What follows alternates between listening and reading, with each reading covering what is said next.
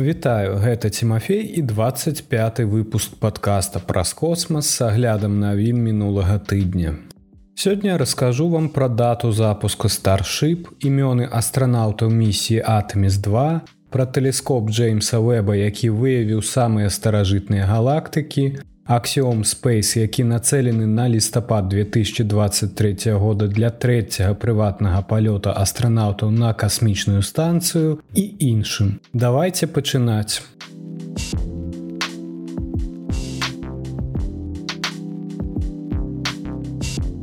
Пачнем з самай хвалюючай навіны гэтага тыдня. Старship завяршае сваю падрыхтоўку да запуску. Спроба запуску, магчыма, адбудзецца ўжо праз тыдзень каля 17 красавіка паводле абноўленай інфармацыі SpaceX. У сераду 5 красавіка SpaceX склаў свой гіганцкі карабель старship, падняўшы прататып верхняй прыступкі шып 24 на першую прыступку бустер 7 на базе кампаніі Starbase у паўднёвым Техасе. Пад'ём і яго наступствы былі засняты на відэо, якім заснавальнік і генеральны дырэктар SpaceX Илон Маск падзяліўся праз цвітер раніцай у чацвер. Я пакіну спасылку на відэо ў апісанні.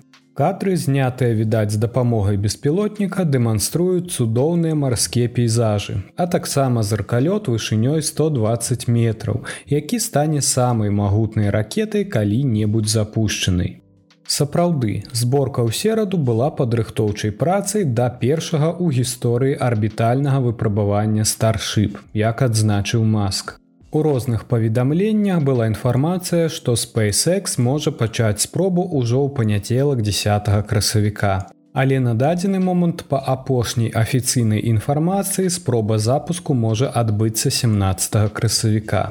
Подписывайтеся на сацыяльныя сеткі майго подкаста, там я папярэджу вас аб дакладнай даце і часе запуску гэтай місіі. Поўны поспех выпрабавальнай місіі прывядзе да прываднення ракеты носьбіта ў мексіканскім заліве. Шып 24 павінен прывадніцца ля берагоў гаваяў. Абедзве прыступкі старship спраектаваны так, каб іх можна было цалкам і хутка выкарыстоўваць паўторна што па меркаванні маска зробіць каланізацыю марса і мноства іншых адважных касмічных палётаў эканамічна здзейсняльнымі.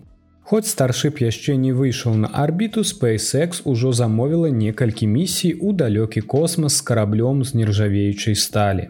Напрыклад, NASAа выбрала старship у якасці першага пасадачнага модуля з экіпажам для сваёй месяцовай праграмы Атоміс, мэта якой з'яўляецца высадка чалавека каля паўднёвага полюса месяца ў 2025 годзе, а затым стварэнне базы ў гэтым рэгіёне.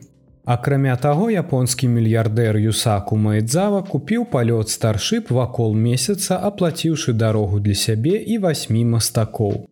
А Дэніс Ціта, які ўвайшоў у гісторыю ў 2001 годзе як першы платны пасажыр, які дасягнуў міжнароднай касмічнай станцыі, плануе здзейсніць яшчэ адзін аблёт месяца разам са сваёй жонкай і іншымі членамі экіпажа. Імёны якіх пакуль не называюцца.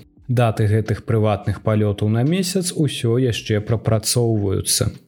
Не так даўно я зрабіў відэо аб старship і суперхэві. Калі вы хочаце больш даведацца аб гэтай місіі, то спасылка на відэа чакае вас у апісанні.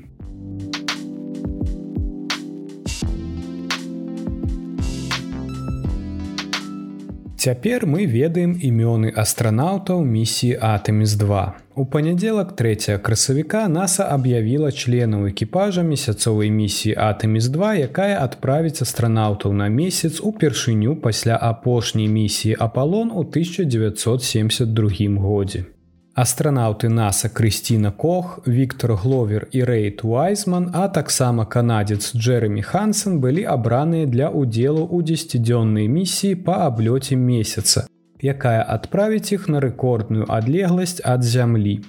Неўзабаве экіпаж пачне інтэнсіўны 18месячны рэжым трэніровак, характэрны для кожнага этапу місіі Атоміс 2 запуск якой намечаны на лістапад 2024 года. Кандыдаты ў астранаўты Атоміс 2 і кожны клас астранаўтаў на сённяшні дзень праходзяць шырокую падрыхтоўку. да розных аспектаў касмічнага палёту таких як адпрацоўка выхада ў адкрыты космас у лабараторыі нейтральнай плавучасці ў х'юстоне велізарным глыбінёй 12 метраў басейны і аб'ёмам 23 з паловай мільёна літраў у якім знаходзіцца падводная копія міжнароднай касмічнай станцыі NASA нядаўна выкарыстоўвала лабараторыю нейтральнай плавучасці для навучання астранаўтаў працы на паверхні месяца ва умовах слабай асветленасці. Падобнай той, якая існуе на паўднёвым полюсе месяца, дзе місія Атэміс3 павінна прызямліцца ўжо ў 2025 годзе.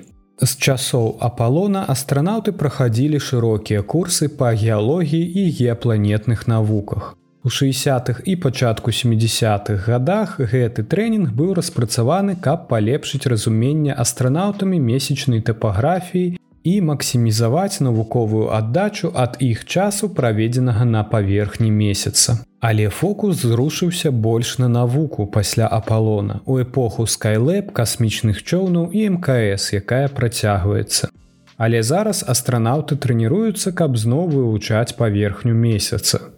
Экіпаж Атэміс-2 пачне інтэнсіўную падрыхтоўку з чэрвеня. Разам з імі групы кіравання палётамі пачнуць мадэляванне, якое ахоплівае кожны сцэнар кожнага этапу іх місіі. Ад запуску да пасадкі Эрайна і выхаду экіпажа з касмічнага карабля пасля яго прываднення ў ціхам акіяне праз 10 дзён.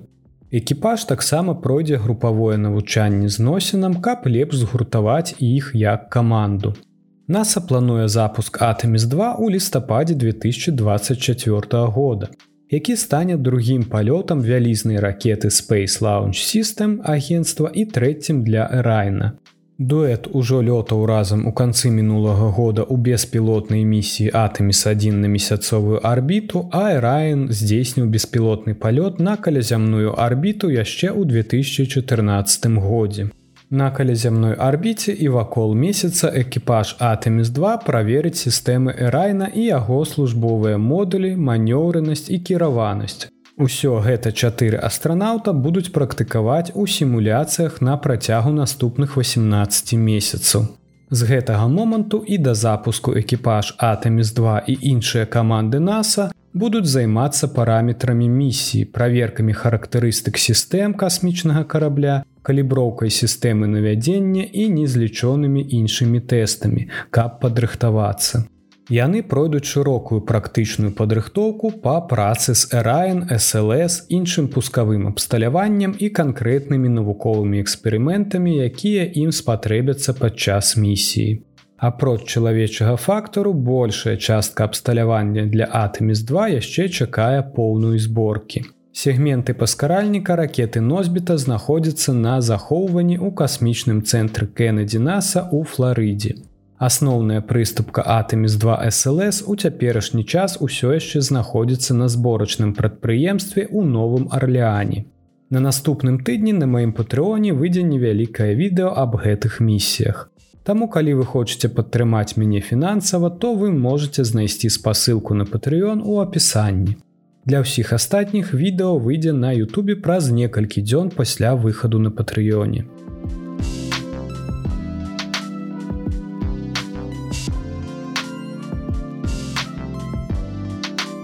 Касмічны тэлескоп Джеймса Вэба выявіў самыя старажытныя з калі-небудзь назіраных галактык. Чатыры галактыкі, даследаваныя магутным касмічным тэлескопам, бачныя такімі, якімі яны былі ўсяго праз 350 мільёнаў гадоў пасля вялікага выбуху. Астраномы зараз упэўненыя, што святло ад гэтых галактык ішло да зямлі больш за 13,4 мільярда гадоў. Пра гэта паведамляюць два новыя даследаванні. Вынікі паказваюць, што гэтыя галактыкі засялялі сусвет, калі яму было менш за 350 мільёнаў гадоў і дэманструюць хуткае з'яўленне першых пакаленняў галактык. Было вельмі важна даказаць, што гэтыя галактыкі сапраўды жывуць у раннім сусвеце. Цалкам магчыма, што бліжэйшыя галактыкі маскіруюцца пад вельмі далёкія галактыкі. Кажа Эма Кёрціс Лейкса, аўтар аднаго з новых даследаванняў і астраном ва ўніверсітэце Хартфаршера ў Англіі. Назіранне пацвярджае, што гэтыя галактыкі знаходзяцца на краі нашага поля зроку, крыху далей, чым мог бачыць хабл. Гэта надзвычай захапляльнае дасягненне для місіі, кажа Кёрціс Лейк. Адкрыццё пацвярджае здольнасць тэлескопа Джеймса Уэба выконваць адну са сваіх найважнейшых задач вывучэнне ранняга сусвету з дапамогай святла, якое падарожнічае так доўга, што пашырэнне сусвету павялічыла яго даўжыню хвалі. Гэта называецца чырвоным зрушэннем. І мы можам выкарыстоўваць яго, каб памераць адлегласць. Чырвонае зрушэнне становіцца больш, калі святло распаўсюджваецца даўжэй. Яго святло распрасціраецца да інфачырвонага дыяпазону, што робіць тэлескоп Джеймса Вэба асабліва карысным для вывучэння ранніх галактык. Да цяперашняга часу абсерваторыя коштам 10 мільярдаў долараў ідэнтыфікавала некалькі галактык кандыдатаў з надзвычай вялікім чырвоным зрушэннем, Але гэтыя назіранні павінны быць пацверджаны з дапамогай спектраскапіі.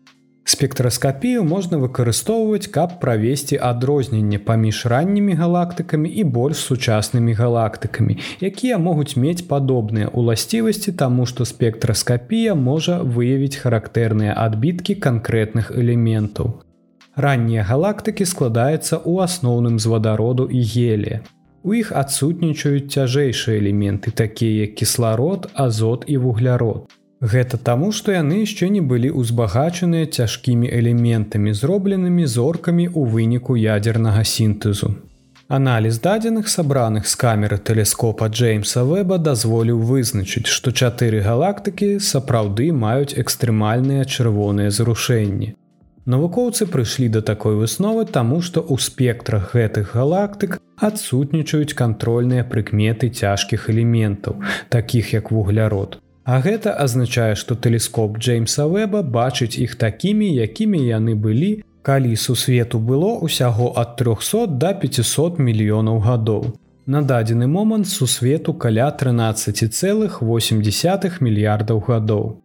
Упершыню мы выявілі галактыкі ўсяго праз 350 мільёнаў гадоў пасля вялікага выбуху. І мы можам быць абсалютна упэўненыя ў іх фантастычных адлегласцях. Гаворыцца ў заяве сааўтара і члена навуковай групы бранта Роберсона. Навукоўцы выкарыстоўвалі больш за 10 дзён місіі тэлескопа Джеймса Вэба для вывучэння звыш глубокага поля, назіраючы за ім у 9 розных інфрачырвоных колерах. За гэтым рушыў услед 28гадзінны збор дадзеных з дапамогай прыбора нірспек на працягу трох дзён. Такім чынам арбітальны тэлескоп Джеймса Вэба прадставіў выключна адчувальныя і выразныя выявы рэгіёна, а таксама даў астраномам дадзены неабходныя ім для дакладнага вымярэння чырвонага зрушэння кожнай галактыкі і выяўлення ўласцівасцяў газу і зорак у кожным з іх.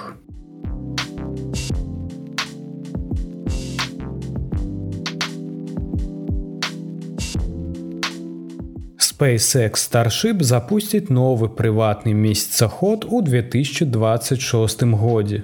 Кампанія Астралапс Хаторна, штат Каліфорнія дасягнула пагаднення са SpaceX аб запуску свайго марсахода Flexible Logistics and Exploration або Flex для маючай адбыцца місіі Starship на месяц. У цяперашні час місія запланавана на сярэдзіну 2026 года. Паводле заявы Астралаб апублікаваны ў пятніцу 31 сакавіка. Калі месяцаход з'явіцца, флекс стане самым вялікім і універсальным усюдыходам, які калі-небудзь катаўся па месяцовай паверхні. На фатаграфіях ён здаецца крыху менш стандартнага аўтамабіля і мае масу больш за две тоны з поўнай нагрузкай. Ён зможа перавозіць да двух астранаўтаў, якія змогуць кіраваць апаратам з дапамогай бартавой панелі. Флекс таксама прызначаны для дыстанцыйнага кіравання ў адсутнасць якіх-небудзь аператараў і абсталяваны арбатызаванай рукой здольнай маніпуляваць модульным грузавым адсекам карабля, у якім можа размяшчацца разнастойны набор навуковых інструментаў і камерцыйных тэхналогій. Я пакіну спасылку на відэо ад Астралаб у апісанні. Астралаб будуе флекс у адпаведнасці з патрабаваннямі NASAа і спадзяецца, што ўвесь флот флекс будзе падарожнічаць па паверхні месяца ў рамках праграм Атэміс. Мы стварылі лагістычную сістэму, якая можа змясціць самыя розныя грузы. Мы чакаем, што гэты падыход дапаможа стварыць пастаянны месяцовы аванпост на месяцы з меншымі выдаткамі і за меншы час, чым меркавалася раней сказаў зааснавальнік і генеральны дырэктар Астралаб Джаред Мэтьюс у заяве кампаніі. Інжынеры Флекс таксама мяркуюць, што месяцаход будзе выкарыстоўвацца ў будучых місіях на Марсе. У прэс-рэлізе Астралаб паведамілі, што кампанія падпісала ўжо некалькі пагадненняў аб перавозцы карыснай нагрузкі кліентаў у рамках першай місіі Флекс. Хоць ніякіх падрабязнасцей не паведамлялася, астралап напісаў, што дэталі гэтых дамоўленасцей будуць апублікаваныя пазней гэтай вясной.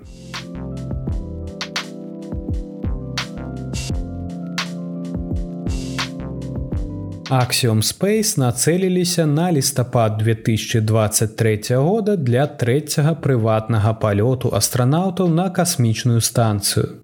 У гэтым годзе Аксиум Space запусціць дзве прыватныя місіі астранаўтаў на міжнародную касмічную станцыю, калі ўсё пойдзе па плане. Хьюстонская кампанія ў цяперашні час рыхтуецца да палёту под назвай IX2. У рамках якога ў наступным месяцы плануецца адправіць чатырох чалавек у арбітальную лабараторыю на борце капсулы SpaceX Dragon, Акрамя гэтага NASAа аб'явіла, што падпісала з Axiom Space заказ на запуск IX3, запуск якога намечаны не раней за лістапад гэтага года. Паколькі увага NASAа перамяшчаецца на месяц і марс, Axiom Space імкнецца ператварыць нізкую калязямную арбіту ў глобальны касмічны рынок, дзе доступ да космасу выходзіць за рамкі партнёраў касмічнай станцыі да краін і асобных людзей з новымі ідэямі. Плануецца, што IX3 правядзе два тыдні на касмічнай станцыі. Хаця недаўно падпісаны загад аб місіі прадугледжвае дадатковы тыдзень, калі ён спатрэбіцца. NASAа патрабуе, каб усімі прыватнымі пілатуемымі місіямі на мкс камандаваў былы астранаўт агенства. Напрыклад, IX1 узначальваў Майкл Лопес Алегрыя, які здзейсніў чатыры касмічныя палёты разам з NASAа камандаваць IX2 будзе Пегі Уытсон, якая правяла ў космасе рэкордныя для Амерыкі 665 дзён. Мы яшчэ не ведаем, хто ўзначаліць IX3 і хто будуць яго платнымі пасажырамі. Аксиум Space прадставіць чатырох прапанаваных членаў экіпажа і два рэзервовыя экіпажы для місіі IX3 на разгляд шматбаковай групы кіравання экіпажам станцыі пасля разгляду і адабрэння NASAа і яго міжнародных партнёраў будуць названыя асноўныя члены экіпажа місіі. AX3 працягне напружаны год пілатуемых касмічных палётаў для SpaceX. Напрыклад другога сакавіка кампанія Ілона Маска запустила крю6, сваю шостую аператыўную місію астранаўтаў на мкс для NASAа. А праз 9 дзён чатыры астранаўты крю5 вярнуліся на зямлю. Плануецца, што IX2 стартуе ў наступным месяцы, а SpaceX плануе гэтым летам запусціць Polaris Дон. Свабодную арбітальную місію, якая фінансуецца і ўзначальваецца мільярдэрам Джарадам і Сакманам. Крюсем паляціць неўзабаве пасля таго, як Polaris Дон сыдзе з пляцоўкі. А наступная місія астранаўтаў для NASAа папярэдне запланавана на жнівень.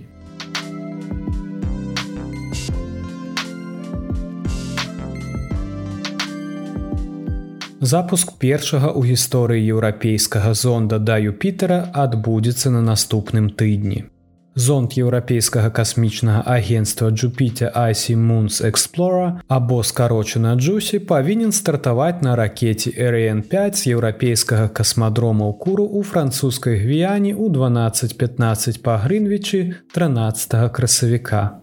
Старт пакладзе пачатак доўгаму міжпланетнаму падарожжу Джусі, якое завершыцца прыбыццём касмічнага карабля на арбіту вакол Юпітера ў 2031 годзе. Затым шасцітонны зонд на сонечнай энергіі правядзе серыю аблётаў трох з чатырох вялікіх галілеевых спадарожнікаў Юпітера, ганімеды, Еўропы і каліста. Усе з якіх, як лічыцца, валодаюць акіянамі з вадой пад ледзяным пакровам. Затым у 2035 годзе Джуз перамесціцца з арбіты Юпітера на арбіту ганімеда, найбуйнейшага спадарожніка сонечнай сістэмы. Гэты крок зробіць джуз першым зондам, які калі-небудзь вярцеўся вакол незямнога месяца. Увесь гэты час джуз будзе сачыць за Юпітерам і трымя мэтавымі спадарожнікамі з дапамогай свайго магутнага набору з 10 навуковых прылад, вывучаючы іх у беспрэтэдэнтных дэталях. Місія будзе характарызаваць гэтыя месяцы як планетарныя аб'екты і магчымыя месцы пасялення, глыбока даследаваць складанае асяроддзе Юпітера і вывучаць шырэйшую сістэму Юпітера як архіпелаг газавых гігантаў ва ўсім сусвеце. Напісалі афіцыйныя асобы ека ў апісанні місіі. За запускам Джус неўзабаве рушыць услед іншая юпітерская місія Еўропа кліпер NASAа якая павінна стартаваць на ракете SpaceX Falcon Heavy ў кастрычніку 2024 года. Як вынікае з назвы Еўропа кліпер засяродзіцца на Еўропе, падрабязна вывучаючы ледзяны месяц падчас десяткаў аблётаў. Першапачаткова кліпер будзе круціцца вакол Юпітера як і Джусі. Многія астрабіёлагі разглядаюць Еўропу як адно з лепшых месцаў у сонечнай сістэме для размяшчэння іншапланетнага жыцця. Збольшага таму, што акіян месяца падобна знаходзіцца ў кантакце з яго камяністым ядром, што дазваляе адбывацца складаным хімічным працэсам. Пахаваныя акіяны ганімеда і калісты наадварот лічацца заціснутымі паміж пластамі лёду.